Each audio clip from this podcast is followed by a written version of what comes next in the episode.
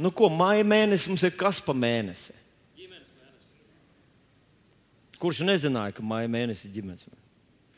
Kurš nezināja, ka mums jau tāds gadsimts tradīcija, ka maijā mēs runājam par ģimeni?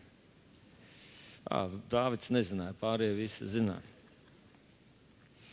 Nu, nu, man jārunā par ģimeni šorīt, vai ne? Un kāpēc kristieši visā pasaulē par to ģimeni visu laiku cepās? Ko? Taču paskatieties uz pasaules tendencēm, vai mēs nebūtu daudz populārāki, ja mēs teiktu, nu, protams, mīlestība mūža garumā. Tas nav iespējams. Kāpēc, kāpēc mēs nu, cenšamies arī šo, šajā mēnesī mēs mēģināsim runāt par ģimenes?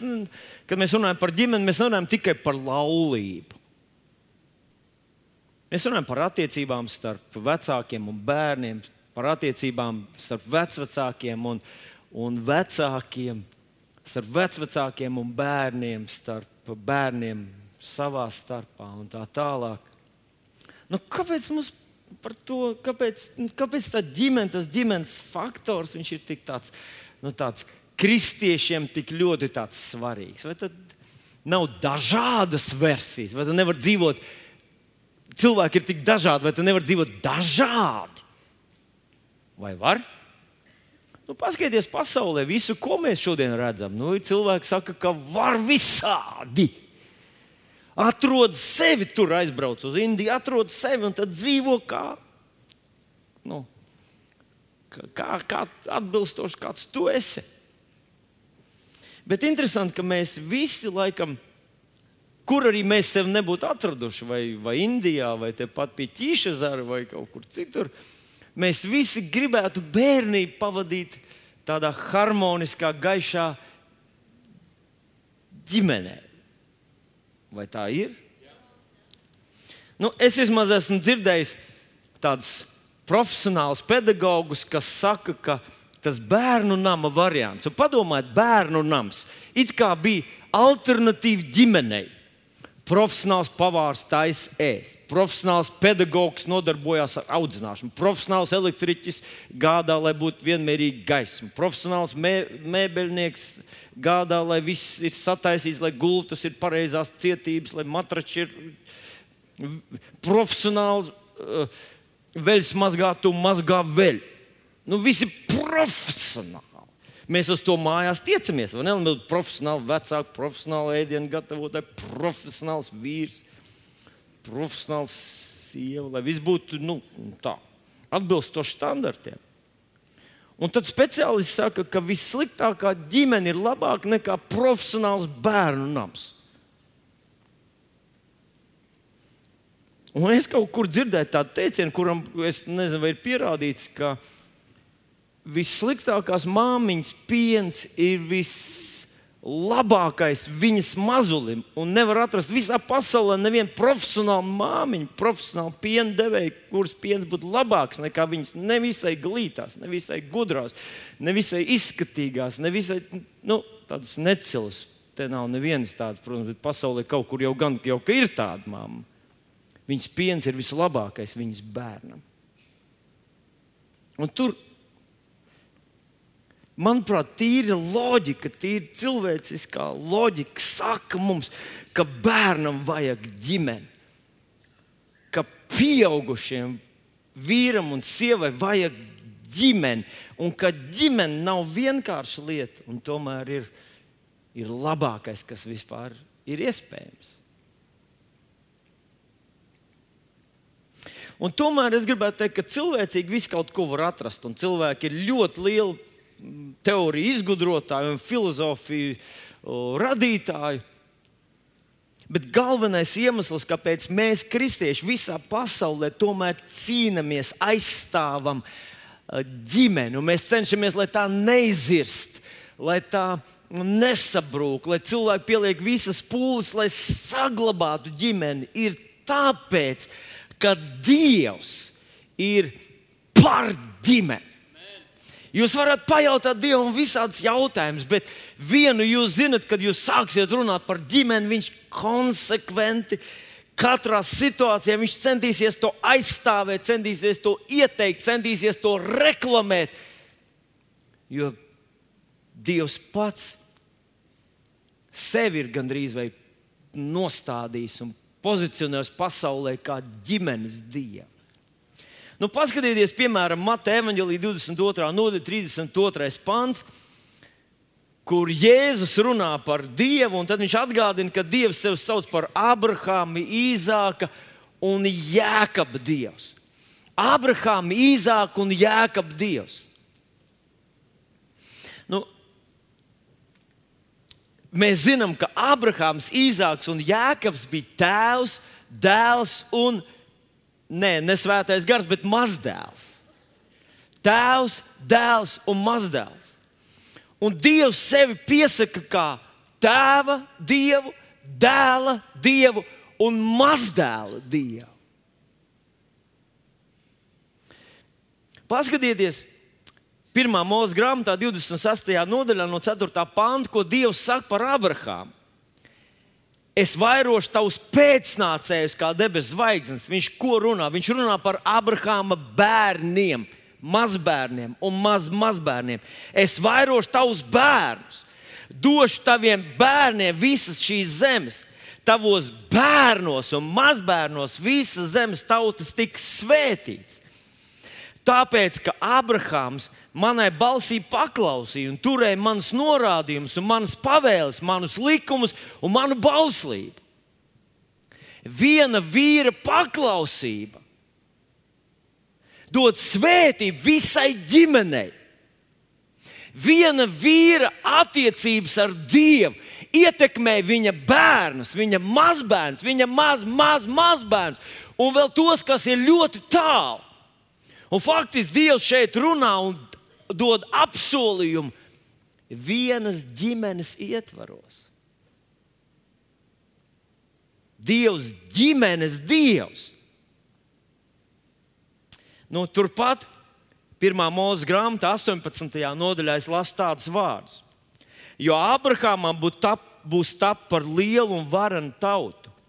Viņā būs svētītas visas zemes tautas jo es esmu viņu izredzējis, lai viņš saviem bērniem pavēl un savam namam pēc viņa, ka tie sargā tā kunga ceļu, lai darītu taisnību un tiesu, ka tas kungs liktu nākt par Abrahāmu tam, kam viņš ir sacījis.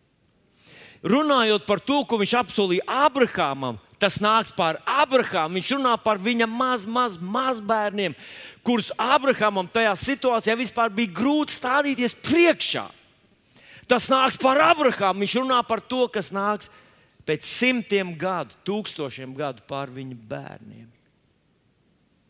Dievs izredzēja Abrahāmu, lai viņam būtu bērni, bet viņš tos bērnus svētīja tāpēc, ka Abrahāms bija.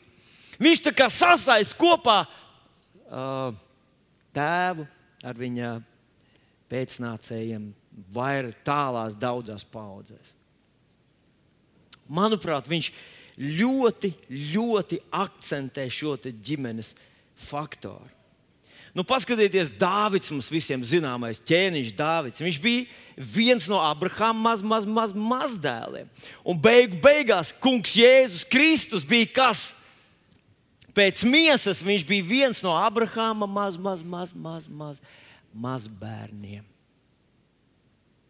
visa dieva tauta Izraels, kurai ir visi apsolījumi, kurai ir derības, kurai ir kalpošanas, pēc būtības sākās ar vienu vīru un vienu sievu. Pēc būtības ir viena paplašināta liela ģimene.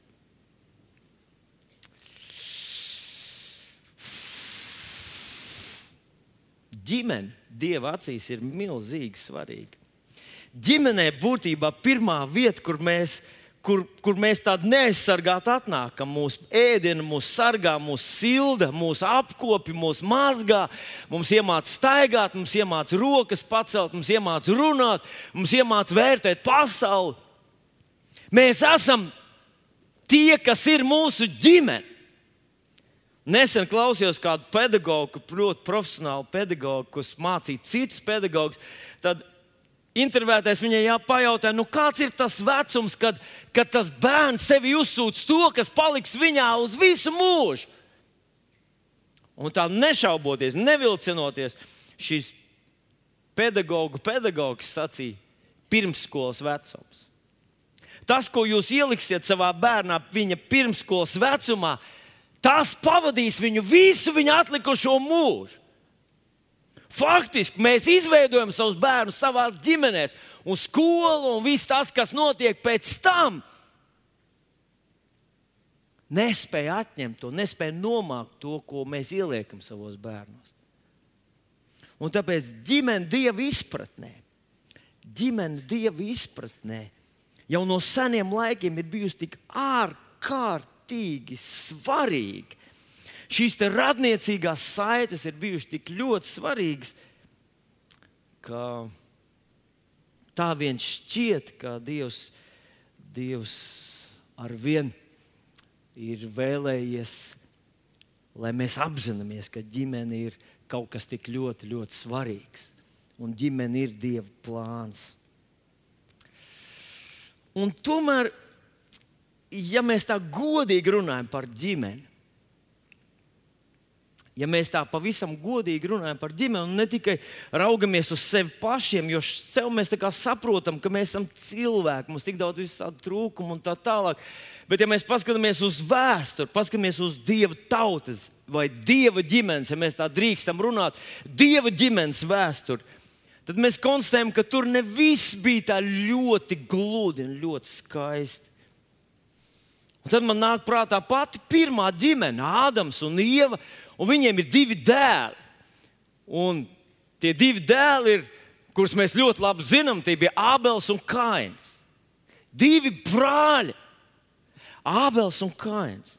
Un pirmā slepkavība nenotika kaut kur tur, kaut kur starp nepazīstamiem cilvēkiem, kur tumsā tur sastrīdējās, nepazina viens otru.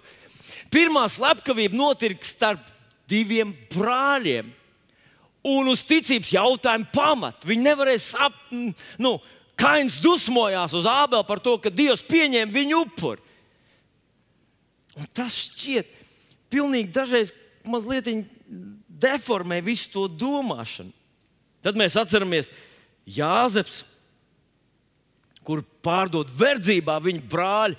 Un tad mēs zinām Jēkabs, kur, um, Jēkabs kurš izmāna pirmdzimtību uh, no, no sava vecākā brāļa Ezava. Jā. Un pēc tam viņš pieviļ savu tēvu, lai dabūtu svētību. Nu, tajā ģimenē, tajā, kurā mēs tā tā idealizējam, sakam, ka tā ir Dieva metode, Dieva plāns, Dieva, Dievs aizstāv, Dievs ceļ, Dievs ir iedibinājis. Dievs pats sevi sauc par tēvu un mūs par bērniem. Un attiecības starp cilvēkiem, kurus Dievs mīl, un cilvēkiem, kuri mīl kungu Jēzu, viņš runā kā starp attiecībām starp līgām un līgavainu. Ģimene šķiet ir tas ideālais risinājums, un tomēr mēs redzam, ka, ka ir bijuši kaut kādi tādi arī nu, ne spožas, ne gaišas krāsas ģimenē. Vienā dienā es dzirdēju, vienā ģimenē, kurā aug divas mazas meitiņas, ka mazākā meitiņa iekoda lielākai meitiņai. Un es sāku domāt, man arī bija vecākā māsa, un es ļoti labi atceros viņas, ka vecākā māsa, kāda tā ir bagātība. Atceros, kad es nemācīja aiziet kurpšņos. Mūsu laikā nebija tādas, kur varēja vienkārši tā iebāzt kāju. Noteikti mamma būtu pirkus man tādas. Bet mums bija tikai tādas sienamās.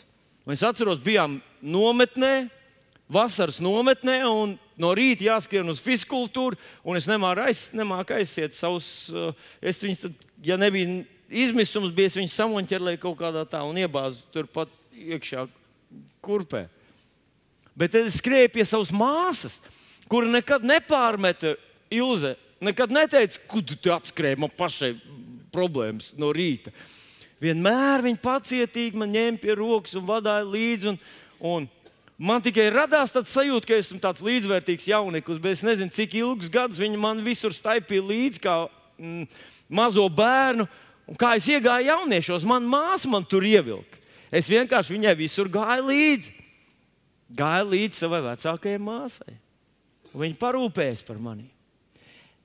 Manas mazmeitas, viss, kas tev jāizdara, jāiemācās vecākajai, un pēc tam skaties, kā vecāka apmāca mazāko. Viņi ir tik pacietīgi, tik, tik perfekti skolotāji tai otrai. Brālis un māsa, brīnišķīga vide. Un tomēr es domāju, kur es iemācījos to, ka nevar bāzt pirkstu nevienam mutē. Lai gan man nav atmiņā, ka māsa būtu iekodusi pirkstā. Bet es domāju, ka kaut kur taču es to uzzināju. Un pavisam nesen viena no manām meitām man saka, paskatieties, viņam jau ir zobiņi, un kad mēs tā nevaram saskatīt, nu, iebāz pirkstu mutē viņam. Un es tā biju iebāzis, un viņš tā ko iekoda. Ar visu to, ka divi zobiņi viņam ir, mācīja iekost. Nu, kur tad mēs iegūstam pirmo negatīvo pieredzi? Kur mēs iegūstam aizstāvi? Ie, iemācāmies, ka mums var uzbrukt, ka mums var atņemt mūsu kompetenci, ka mūs var piemānīt, ka mūs var nepatiesi apsūdzēt. Kur mēs to iemācāmies? Ģimenē, vai ne? Ģimenē.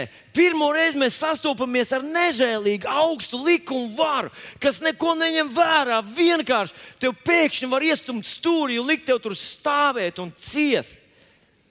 Ģimenē ir ļoti daudz tumšu pušu.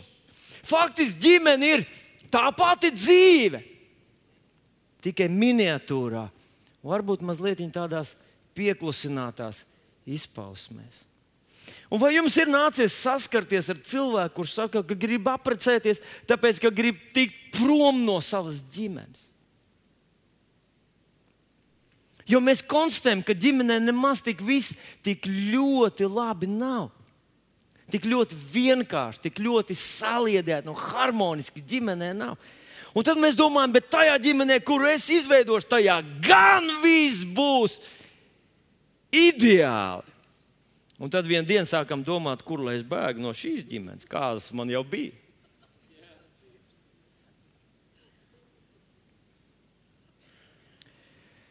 Un tomēr ar visu to, ka ģimenē ir, ģimenes modelim arī ir savas ēnas puses.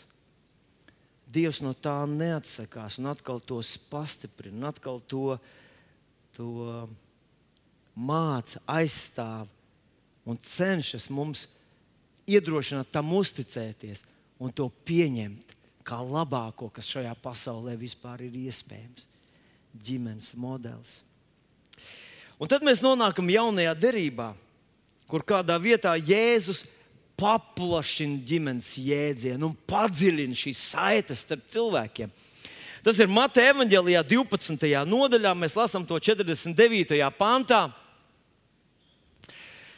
kur Jēzus kādā vietā sludina saviem mācekļiem. Tur ir daudz cilvēku, un tur viņš kā vienmēr dara savus darbus. Viņš ir ļoti aizņemts, un visi ir sajūsmā, un daži dusmojas, daži domā viņu pieķert, daži ir nikni uz viņu, dažiem pa skaļu, daži nedzird, daži plēš vaļā jumtu, lai tiktu klāt, daži iet prom, lai viņi nekad nesatiktu. Pie Jēzus atnāk viņa mamma un viņa brāļi. Un tas ir Mateja 12. nodaļā, lasām. Viņam tā uz ļaudīm runājot, redz, viņa māte un viņa brāļi stāvēja, un gribēja, stāvēja ārā un gribēja ar viņu runāt. Un kāds uz viņu sacīja, redz, tava māte un tava brāļi stāv ārā un meklē ar tevi runāt. Un 48. pāns viņš atbildēja tiem un sacīja, kas ir mana māte un kas ir mani brāļi. Atcīm redzot, uz to brīdi viņa tēta, viņa mīsīgais augu tēvs, tā mēs viņu varētu nosaukt viņa ģimenes, uh, miesīgās ģimenes galva, kas nebija viņa tēvs, bet uh, patēvs. Tā drīzāk būtu jāsaka. Viņš acīm redzot, jau bija mūžībā. Un roku izstieps pār saviem mācekļiem, Jēzus sacīja: Redzi, mana māte un mani brāļi. Jo kas dara manu debesu tēvu prātu, tas ir mans brālis un mana māsa un mana māte. Redzat, ka Jēzus uh, jaunajā, nu, vec, vēlāk mēs neredzam tā īpašu akcentu uz to, ka sievietes ir līdzvērtīgas jaunajā derībā, Dieva valstībā. Jēzus to šeit pateica, tie ir mani brāļi un tās ir manas māsas. Ir tikpat liela atbilstība, tikpat liela cieņa, tikpat liela uzticība Dievs ir piešķīris sievietēm, tāpat kā vīriešiem. Tie, kas dara man debesu tēvu prātu. Ja līdz, tim, līdz šim ģimene bija tikai fiziskas attiecības, tie bija nu, gēni, tas bija uh, asins radniecība, kas mums piemīt mūsu ģimenē. Mēs sākāmies ar Abrahāmu un tad uh, uh, uz leju ej, ejošajā dzimtas kokā. Tad šeit Jēzus saka, ka mūsu bani brāļi un manas māsas ir tie, kas dara man debesu tēvu prātu. Apstults Jānis Jā, Jāņa Evanģelijā, 1. nodaļā, 12. un 13. pantiņā saka, tā, ka viņš nāca pie saviem, tie viņu neuzņēma, bet cik viņu uzņēma, tiem viņš deva varu kļūt par dieva bērniem. Tiem, kas tic viņa vārdam, kas nav dzimuši ne no asinīm, ne no miesas iegribas, ne no vīra gribas, bet no dieva. Viņš paplašināja šo ģimenes modeļu un padziļināja. Viņš teica, tas varbūt jums nav mīsīgs saišs Varbūt jums nav asins radniecības, bet jums ir kāda vēl dziļāka radniecība. Jo šī asins radniecība vienā dienā beigsies. Kad beigsies, tad, kad mēs visi novilksim šīs zemes ietērpu, mums pārstāsies šī asins radniecība. Bet mums paliks šī radniecība, kas mums ir, kā esam dzimuši no Dieva, kā esam tie, kas darām viņa prātu, kā esam Kristu Jēzu, viņa brāļu māsu. Mēs esam brāļu māsu, mēs esam ģimene savā starpā. Citiem vārdiem, Dievs nevis apšauba ģimenes modeli. Viņš saka, kamēr ir tā fiziskā radniecība, to nevar īsti izprast. Bet, es, bet gluži kā viss cits lietas, vecajā darbā, tā ir ēna no tā, kas, kā tas bija domāts īstenībā. Un tā īstenā radniecība mums ir Kristu Jēzu, jo esam dzimuši no Dieva, esam Dieva bērni.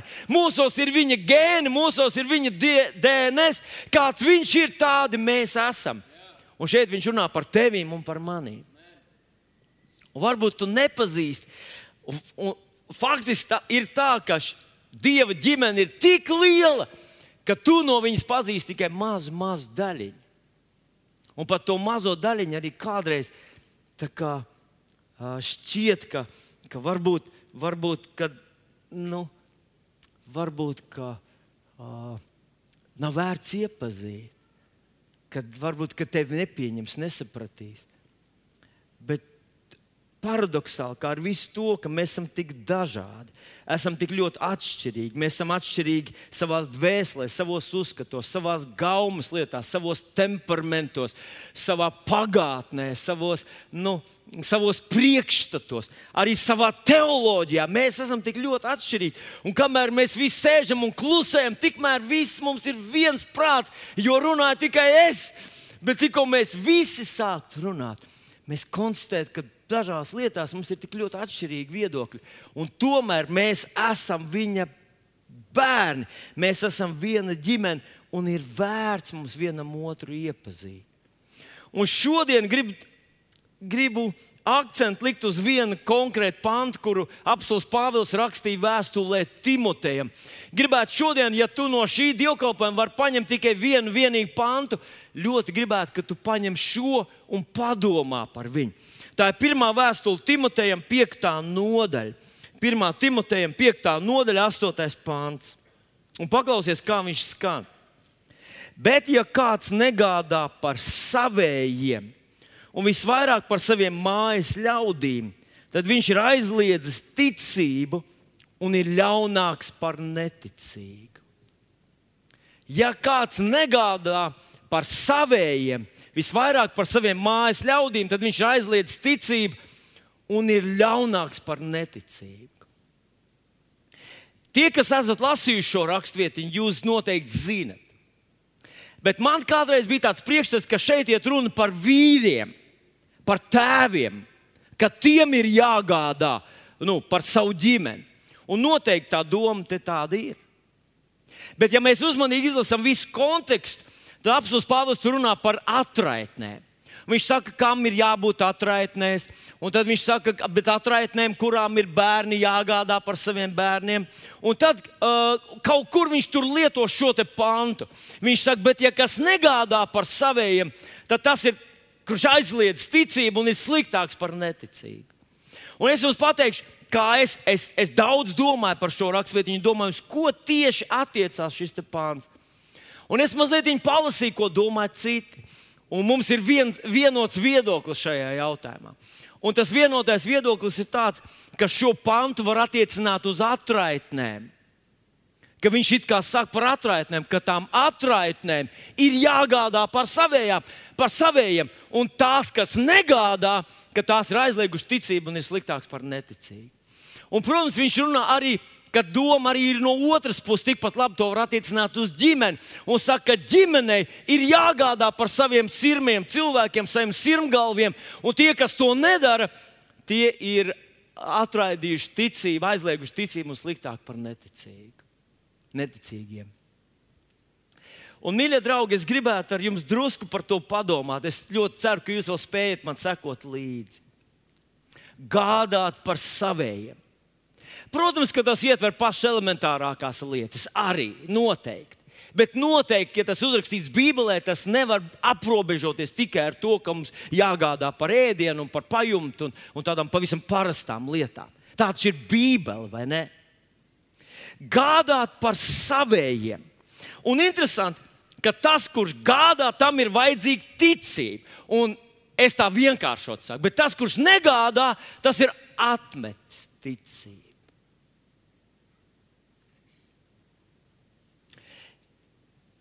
Es biju kādā lekcijā, kurā uh, viena, no, viena no lietām tika stādīts priekšā tā, uh, tāds pētījums, kas tika veikts vienā uh, katoļu klosterī, kurā māsas, uh, katoļu māsas, tātad dzīvoja klosterī, klostermās, nodarbojās ar puķu audzēšanu. Tās puķas audzēja, tad izveidoja no viņām tādas skaistas uh, kompozīcijas, un tās kompozīcijas izlika publiskai apskatei, un tās māsas tādā veidā kalpoja cilvēkiem, sagādāja cilvēkiem pozitīvas emocijas, un viņas īpaši saskatīja katrā tur tajā izvietojumā un tās krāsās kaut kāds tāds, ziniet, spēju uzrunāt cilvēkus ar dievu mīlestību un dievu spēku.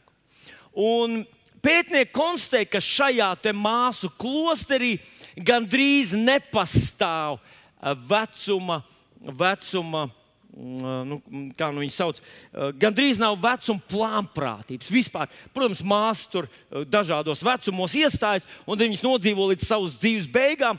Parasti sabiedrībā ir kaut kāds procents, kad vecumā cilvēks slimo ar plānprātību, vecuma demencijā. Bet šajā klosterī tās vispār gandrīz nebija. Un tad viņi interesējās, nu, kas ir tas, kas nu, tādiem pavisam neticīgiem cilvēkiem, kas ir tas, kas palīdz viņām cīnīties ar šo vecumu demenci, ar šo, nu, ar, ar šo problēmu. Un tad pētnieki pētīja, apjautāja, pētīja viņas dzīves, to, to režīmu.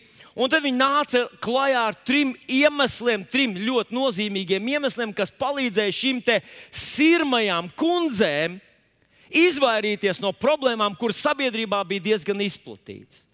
Un pirmā lieta, ko viņi sacīja, kas viņām bija, kas, kas lika viņam izvairīties no šīm problēmām, bija ne,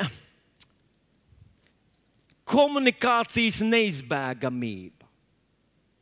Viņas dzīvoja grupā. Un nebija iespējams nevienai māsai apvainoties, pagriezties un aiziet savā stūrī un sēdēt tur veselu nedēļu. Viņi varēja uz mirkli aiziet, bet viņiem bija jāatgriežas kopā, jo viņas visi kopā darīja, kopā lūdza, kopā ēdienu gatavoja, kopā strādāja. Un tad viņi saka, tas, ka mūsdienu vecie cilvēki vai vecākie cilvēki norobežojas un aiziet dzīvot savā dzīvē un dzīvo vieni paši gandrīz veselu nedēļu. Nav ne ar vienu viņam jārunājas, nevienam nav jāstāsta, nevienam nav nekas jāpiedod. Viņi beidzot var būt tādi, kādi viņi ir. Pakļauj viņus riskam. Tā otra, otrs pētījums, kas, viņam, kas viņa teica, kas palīdzēja šiem veciem cilvēkiem izvairīties no problēmām, bija pienākums. Tev bija tava puķu dobe. Un tev bija jāceļās vai rīts, vai vakars, vai ziema, vai vasara, vai sāp, vai kurkst, vai bubina. Tev bija jāiet apkopt savas puķis. Un tām, tās puķis bija jāizaudzē. Un šis pienākums deva viņām otru nepieciešamību. Viņas bija vajadzīgas, viņām bija uzdevums. Viņas nevarēja izlemt, gulēt, cik ilgi grib, jo klimatiskie apstākļi pieprasīja, ka tie stādi bija jākop. Un tā trešā lieta, kas palīdzēja pētnieku ieskatā, kas palīdzēja viņām um, pasarg, tikt pasargātām no problēmām, bija visu laiku bija kaut kas jāuzzina jauns.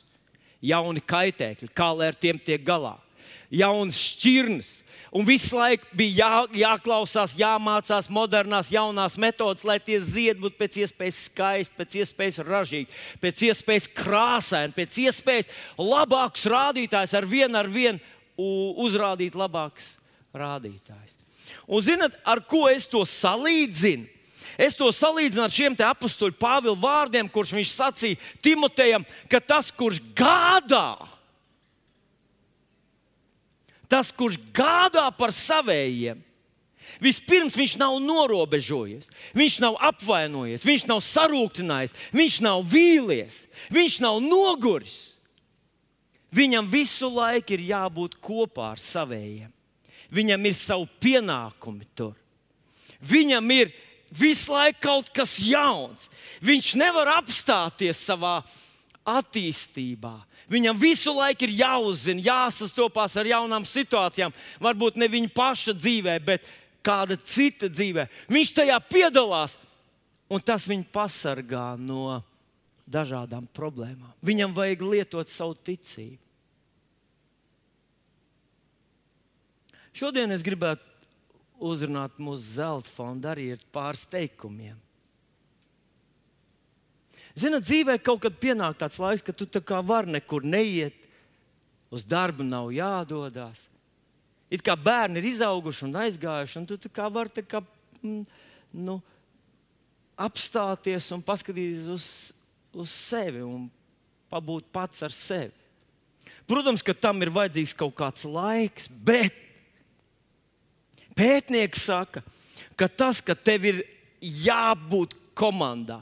Tev ir jāuztur labas attiecības. Tas, ka tu nevari apvainoties un nevari veselu nedēļu domāt kaut ko negatīvu, tas ir tik svētīgi un tik palīdzoši pasargāt tev tavu saprātu, tavu o, veselību, tavu ticību.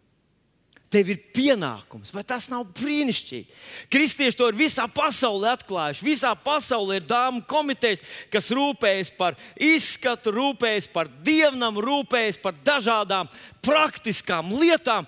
Ceļas no rīta, un viņām ir uzdevums, kas ir jāizdara šodien, jo es gribu kalpot dievam. Nepienāk tāds vecums, kad tev vairs nav pienākumu dieva namā būtībā tādam vecumam vispār nevajadzētu būt. Tie pienākumi var mainīties pa gadiem, bet tev ir tavs pienākums. Tev tas ir jādara, tev jāceļas un jāiet. Un tad cilvēks tiek galā ar visiem izaicinājumiem. Viņam nākās lietot ticību. Jūs man piekritīsiet, ja tev rīt ir jāiet uz darbu, ir daudz lielāka motivācija saņemt savu dziedināšanu nekā ja rīt ir brīvdiena. Vai ja pie tevis rīt nāk viesi, nāk viss tavs ģimene, un bērnu un mazbērnu atnāk, tu būtu varējis gulēt un izgulēt varbūt savus iesnas trīs nedēļas no šī brīža. Bet, ja tas šovakar viss nāk, tu cēlies, tu saki, Jēzus vārdā, es esmu dziedināts, tu lieto savu ticību un tu saņem savu brīnumu. Un kādreiz cilvēki atliek to savu slimošanu. Nē, šonadēļ es nevaru slimot, slimošu nākamā nedēļa jo šonadēļ man ir jārūpējas par saviem. Un visu laiku iemācīties kaut ko jaunu. Vai tas nav brīnišķīgi, ka mainās telefoni, mainās programmas, ka mums tas ir jāapgūst, jāmācās, jācenšas saprast un jāpiedalās. Un Sirmgalviem, protams, ir savi izaicinājumi, bet es gribētu runāt arī par mums ar tevi, kas esam tuvu sirmgalvu vecumam, varbūt, varbūt esam tālu no tā. Gādāt par savējiem. Man ir mana ģimene. Iespējams, ka mums drīz būs ģimenes pieaugums. Mums ir tik daudz izaicinājumu, tik daudz visādu nu, cīņu, tik daudz jautājumu, kā mums, kā mums tas izdosies, vai izdosies. Un, manuprāt, tad, ja mēs to noreducējam, to savu rūpi, savu ticību, savu dievu pazīšanu un dievu bagātību.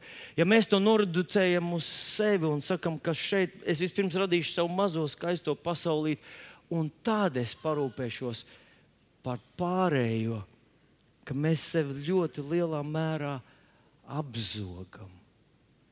Vai tad, kad draudzē Un es runāšu pārnestā nozīmē, ka kāds brālis tev iekož pirkstā vai kāda māsa tev iekož pirkstā. Un tu tiec nepatiesi apsūdzēts un nepatiesi nopelts. Varbūt tu dzirdēji pusi frāzīt, un tevi nesaprati un pārprati, un tā tālāk. Nu, tu esi sāpināts.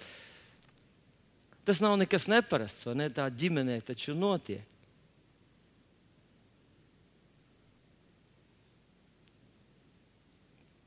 Vai tā notiek ģimenēs? Jā. Ja. Tu esi uzaugusi bērnamā, tad varbūt tev liekas, ka ģimenē tā nenotiek. Notiek. Pirmais, kurš uz maniem pacēla priekšmetu, lai mestu, man bija mana vecākā māsa, kas man. Es neteikšu, ko viņa pacēla, bet tas bija ļoti, ļoti sēni. Es, protams, neko nepacēlu.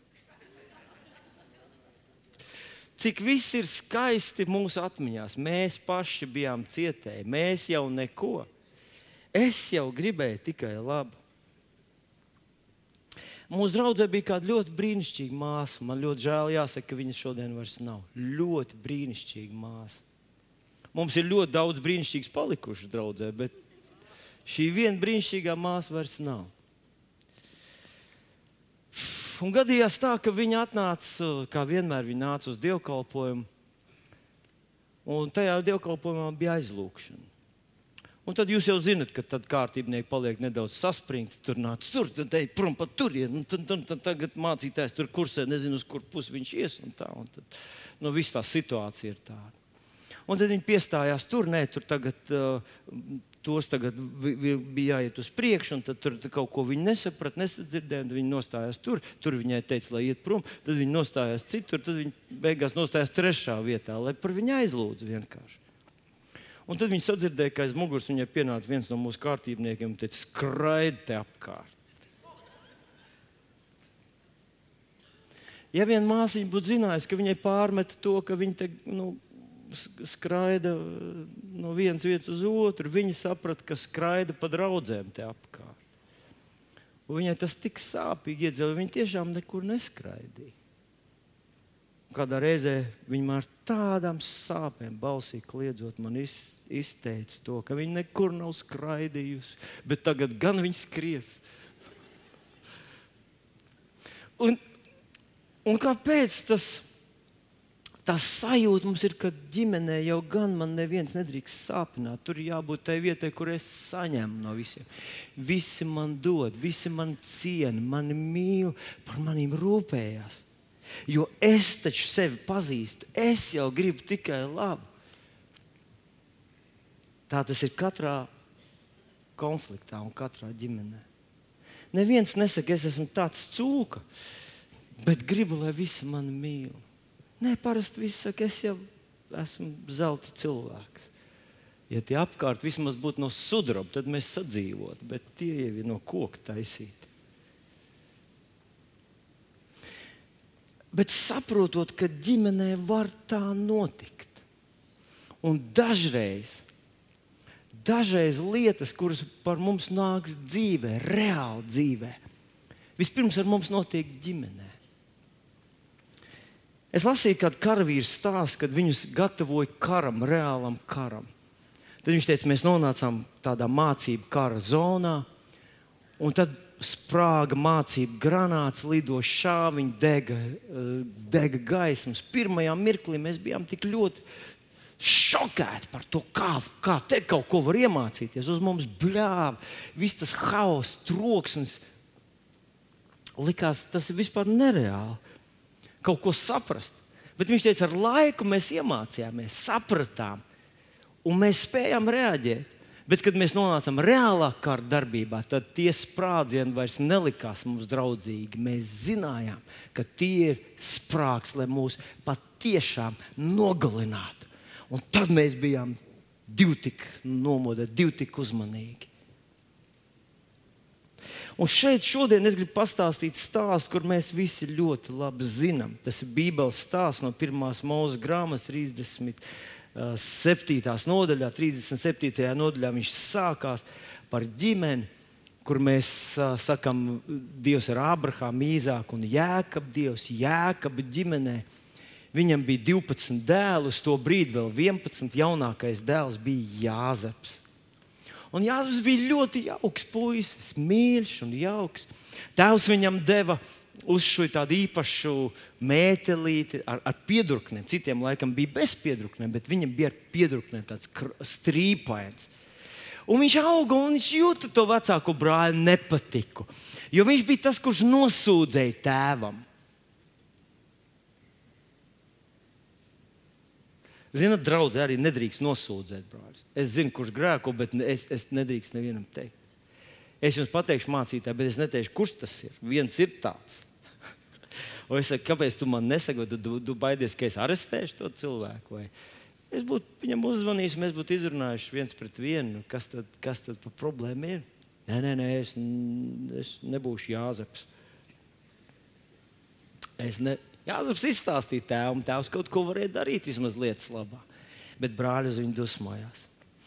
Un tad, kad Jāzepam bija 17 gadi, tēvs viņu aizsūtīja pie brāļiem aplu, apjautāties, kā brāļiem iet, un aizsūtīja viņiem cienest. Un mēs visi zinām, ko brāļi izlēma. Brāļi no tālienes viņu ieraudzīja. Un es domāju, tā aina ierakstījās Jāzepa dvēselē uz mūžiem. Vismaz manā būtu ierakstījusies. Viņš atnāca pie saviem brāļiem, teica, sveiki, brāļi!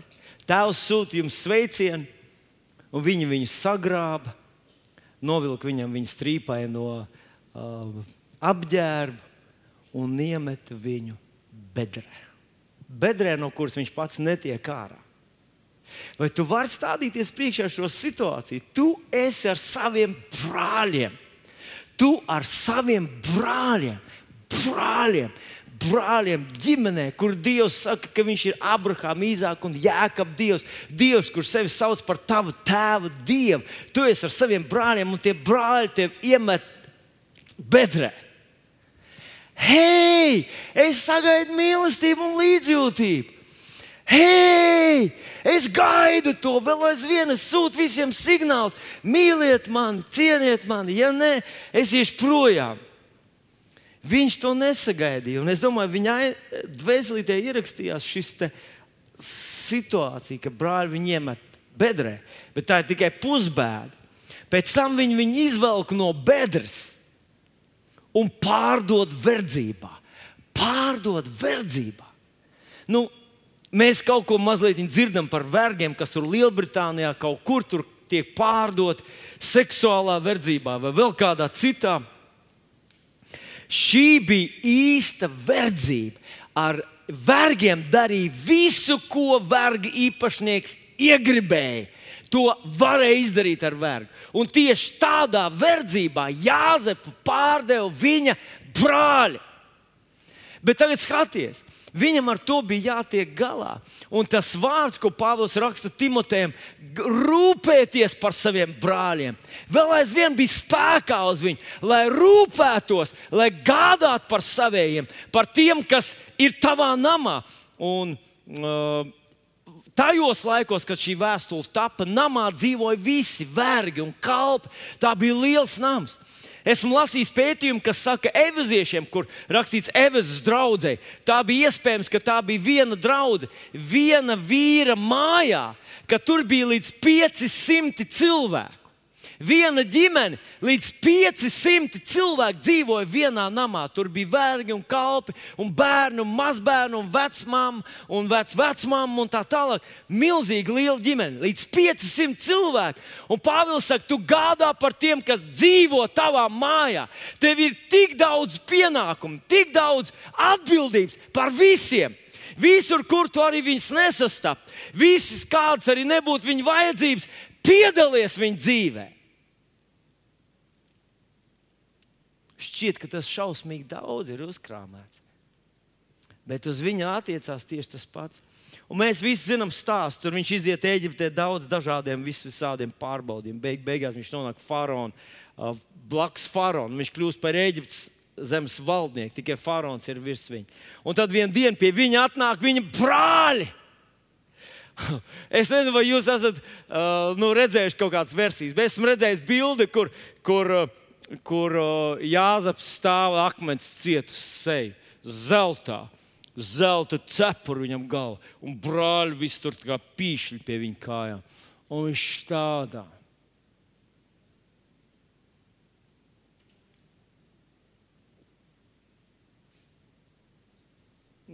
Turpināt stāvēt, visu laiku skatos, viņš stāv. Jūs man to no es jūs varat kā plaktis nospiest. Man tikai vajag pirkstus un. Jūs neesat dzīvošanas vērti, jūs nožēlojami nelieši, jūs pārdevāt savu brāli, jūs vēlējāt man nāvi, jūs iznīcinājāt man dzīvi. Kurš tā būtu darījis? Paceliet rokas. Ir daži, jā, ir daži godīgi cilvēki. Nu, vismaz uz piecām minūtēm, kurš būtu pastāvējis tā? Izbaudīs mirkli. Slavēts tas kungs. Kurš būtu pastāvējis kādu laiku? Ir daži. Jā. Apbrīnojam, ka Jāzepā nav sāpju un rūkumu. Un viņš pirmais sāk, ne jūs, Dievs to izdarīja, Dievs man atsūtīja, ne jūs, Dievs man atveda. Kāpēc? Lai es jūs izglābtu. Un tagad viņš izglāba Mēsīs cilti. Mēsīs nākšana ir, ir iespējama, tāpēc ka Jāzeps nesarūktinājās, nevīlās. Neteica, es, manas intereses, mana dvēsele, manas sajūtas. Es, es, mani aizvainoju, man pateica kaut ko. Tā nedrīkstēja darīt.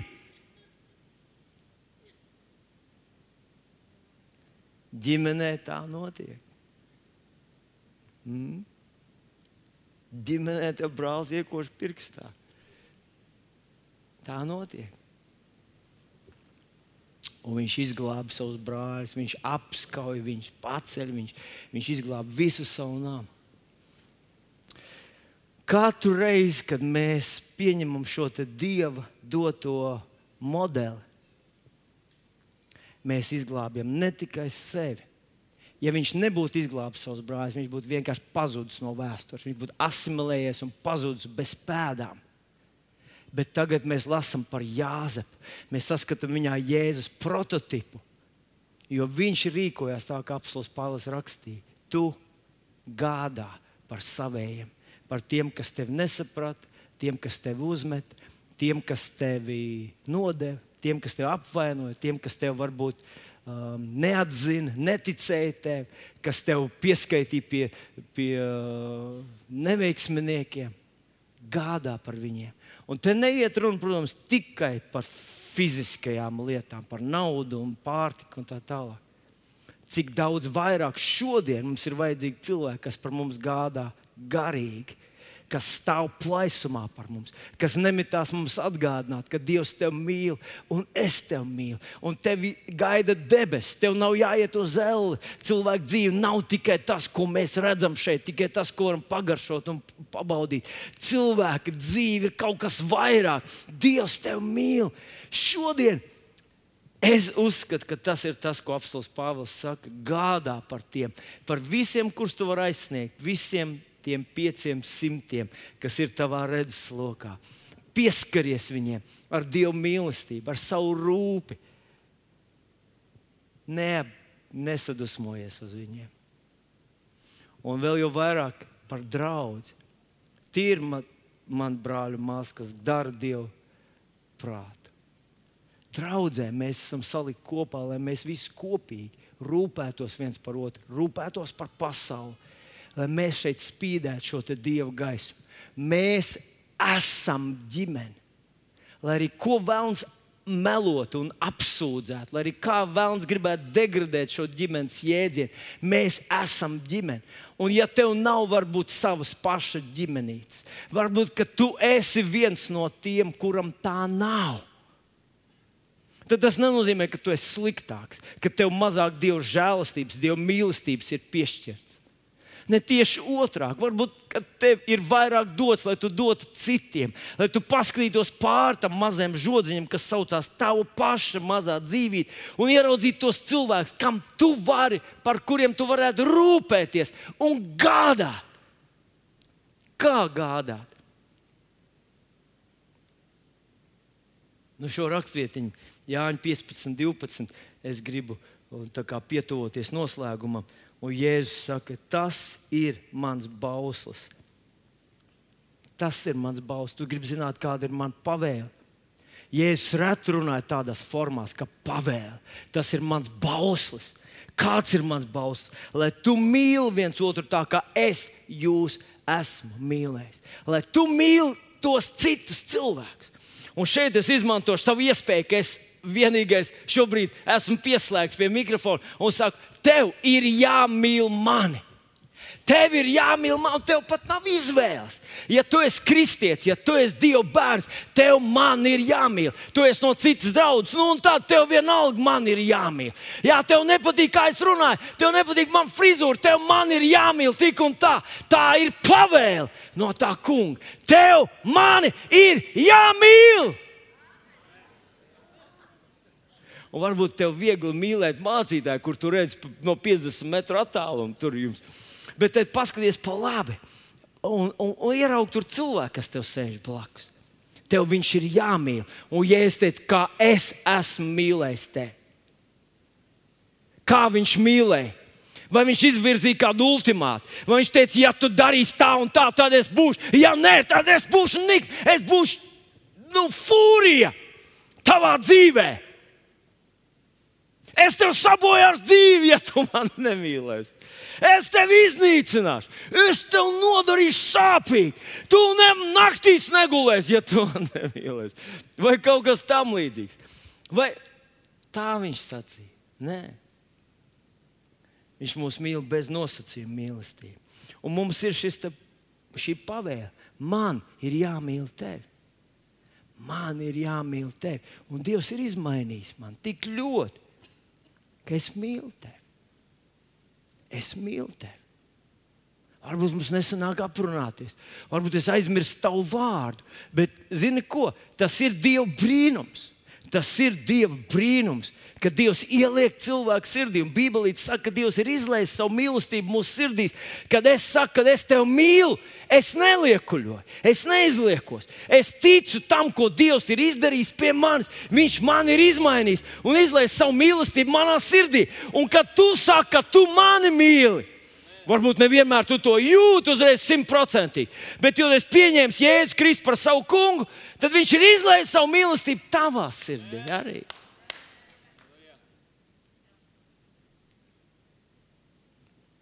Un mēs runājam par ģimeni. Jā, ģimeni. Un nobeidzot šo dievkalpojumu, gribu atgādināt jums, kā Jēzus parādīja šo mīlestības standartu. Marka evanģēlijā 14. nodaļā mēs lasām no 22. panta. Tas Jēzus kalpošanas beigās viņš parādīja, kā viņš mīl. Tiem vēl ēdot, Jēzus ņēma maizi, svētīja to pārlauzu un tiem to deva un sacīja: ņemiet, tā ir mana miesa. Un viņš ņēma biķeri, pateicās un tiem to deva. Un tie visi dzēra no tām. Viņš tiem sacīja: šis biķeris ir, šis ir manas jaunās, manas derības asins, kas par daudziem to izlietas. Neviens nesagaida no tevis, ka tu dos savu miesu par mums. Neviens nesagaida, ka tu savus asins izlies par mums. Bet tas standarts, paskatieties, tas standarts ir ļoti augsts. Cik ļoti Dievs mīlēja tevi cik ļoti Jēzus mīlēja tevi. Un tad viņš saka, ka tā ir mana pavēle, jūs tāpat mīlat viens otru. Un nu, ir ģimenes mēnesis.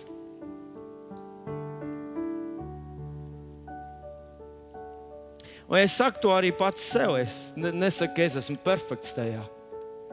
Bet es saprotu, ka, lai es paliktu šajos Pāvila vārdos, man jāpavērš skats prom no sevis. Prom no sevis žēlošanas, no tā, kas man nav, ko es gribētu, ko es, gri ko es vēlētos, kā es justies gribētu, kā būtu jābūt. Man jāpaskatās uz, uz saviem tuvākiem, uz savu ģimeni, uz, uz, uz uh, tiem, kas man ir apkārt, tiem, kas man ir kalpošana apkārt. Man jāpaskatās arī uz tevi, jāpaskatās ar šiem jēzus vārdiem, ka viņa pavēle ir, lai tu mīli tos cilvēkus tā, kā viņš tevi ir mīlējis. Tas ir iespējams, ja viņš tā saka, tad tas tā ir iespējams. Un es ticu, ka tad, kad mēs tā darām, ka tad, kad mēs darām tā, kā Jēzus mums ir sacījis, tas mūs padara stiprākus. Tas mūs nepadara vājākus, tas mūs padara stiprākus, tas mūs padara ietekmīgākus, tas mums piešķir resursus, tas padara mūs par talantīgākiem, radošākiem cilvēkiem. Mēs kļūstam priecīgāki, mūsu dzīve kļūst gaišāka. Jo mēs visi esam saskārušies ar cilvēkiem, kas ir sarūktināti un vīlušies. Un mēs raugamies uz viņiem no malas un skatāmies, viņi noveco ātrāk, viņi slimo vairāk, viņu dzīve ir nožēlojama. Un mēs esam saskārušies ar cilvēkiem, kas ir gaiši, atvērti un priecīgi un piedodoši. Un mēs skatāmies, ka viņi slimo mazāk, viņi izskatās jaunāk, viņi ir laimīgāki cilvēki. Un tas ir tas, ko mums vajag faktiski šajā pasaulē. Mums vajag, mums vajag spīdēt Dieva mīlestību, kas mūsos jau ir. Mums pat nav jājautā, lai Dievs mums to iedod. Mums tā jau ir. Mums to jāsāk vienkārši atdot uz ārā.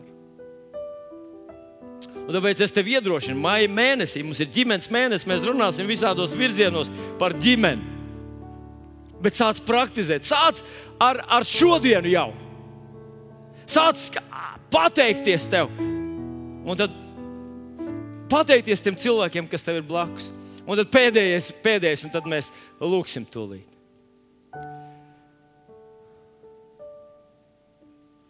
Es neteikšu, kurš tas cilvēks ir un kad, kad tas notika. Bet bija viens cilvēks blakus. Un tad pēc kāda mirkļa viņa vairs nav. Viņš aizgāja mūžībā.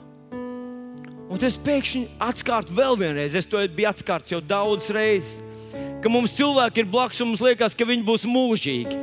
Un tad pienāk diena, diena, kur mēs parasti negaidām. Jo tuvāks un, un cilvēks ir diena, kur mēs parasti negaidām. Un tā cilvēka vairs nav. Un tad tu sāc saprast, pagaidi, Nemaz nebija tik grūti ar viņu tikt galā. Nemaz viņš nebija tāds nelga, nemaz viņš nebija tik ļoti apgrūtinājums. Viņš īstenībā bija viena svētība man blakus. Un kā es nenovērtēju to cilvēku, kamēr viņš šeit bija? Un es gribu pateikt, tev, mīļais draugs, ka ir cilvēki, kas tev ir blakus šodien, kurus tu nenovērtē. Bet viena diena, un tā diena nav vairs kalniem, viņi vairs nebūs. Un tad tu kodīs pirkstos un teiksi, Dievs, kāpēc es nenovērtēju to dienu, kad viņi bija? Kāpēc es nepateicos viņam, kāpēc es nebaudīju viņu klātbūtni, kāpēc es ne, neiedevu viņam tik daudz mīlestības, cik es spēju iedot? Tā tas ar mums cilvēkiem ir. Visi mēs mirstam. Un visi tie, kas pirms mums visi ir nomiruši. un arī mēs vienā dienā aiziesim. Un es vienkārši gribu teikt, ka izmantot laiku, kas mums šodien ir. Piecelsimies kājās. Debes Tēvs, no visas sirds es tev pateicos par to, ka tu esi mums atklājis šo modeli. Ģimene, mēs pateicamies par saviem brāļiem un māsām, draugiem kā Dieva bērniem. Mēs pateicamies par saviem vecākiem, mēs pateicamies par saviem bērniem, mēs pateicamies par mazbērniem, par saviem dzīves draugiem. Dievs, mēs pateicamies par cilvēkiem, kas mums ir blakus. Cilvēkiem. Paldies, Tev, Kungs! Pasaki līdzi ar maniem, saka, debes Tēvs, paldies Tev par cilvēkiem, man blakus, par manu ģimeni fiziskā izpratnē. un garīgā izpratnē. Paldies Tev par ģimeni. Paldies Tev, ka Tu esi Dievs, ģimenes Dievs. Tev patīk ģimene. Es esmu daļa no ģimenes. Esmu pateicīgs par ģimeni. Es mīlu ģimeni.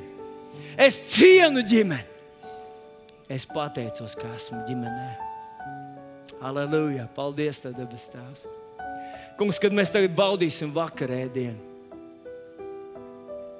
palīdz, lai mēs katrs apzinātos, ka tas tai mīlestībai vienam uz otru, tai mīlestībai, ar kur tu mums pavēlēji, un mēs mīlam vienam otru, viens otru, ka tā ir ļoti augsts standarts. Un tu tos parādīji, tad, kad tu devi savu miesu par mums, un ka tu izlaiž savus asins par mums, un ka mēs varam sekot tev, un ka mums nav iespējams tevi pārspēt savā mīlestībā uz cilvēkiem, kas mums ir blakus. Paldies, Tev, debes Tēvs. Mēs godinām Tevi, mēs pieņemam to no Tavas rokas ar pateicību Kunga Jēzus Kristus vārdā. Un izdraudz sacīja,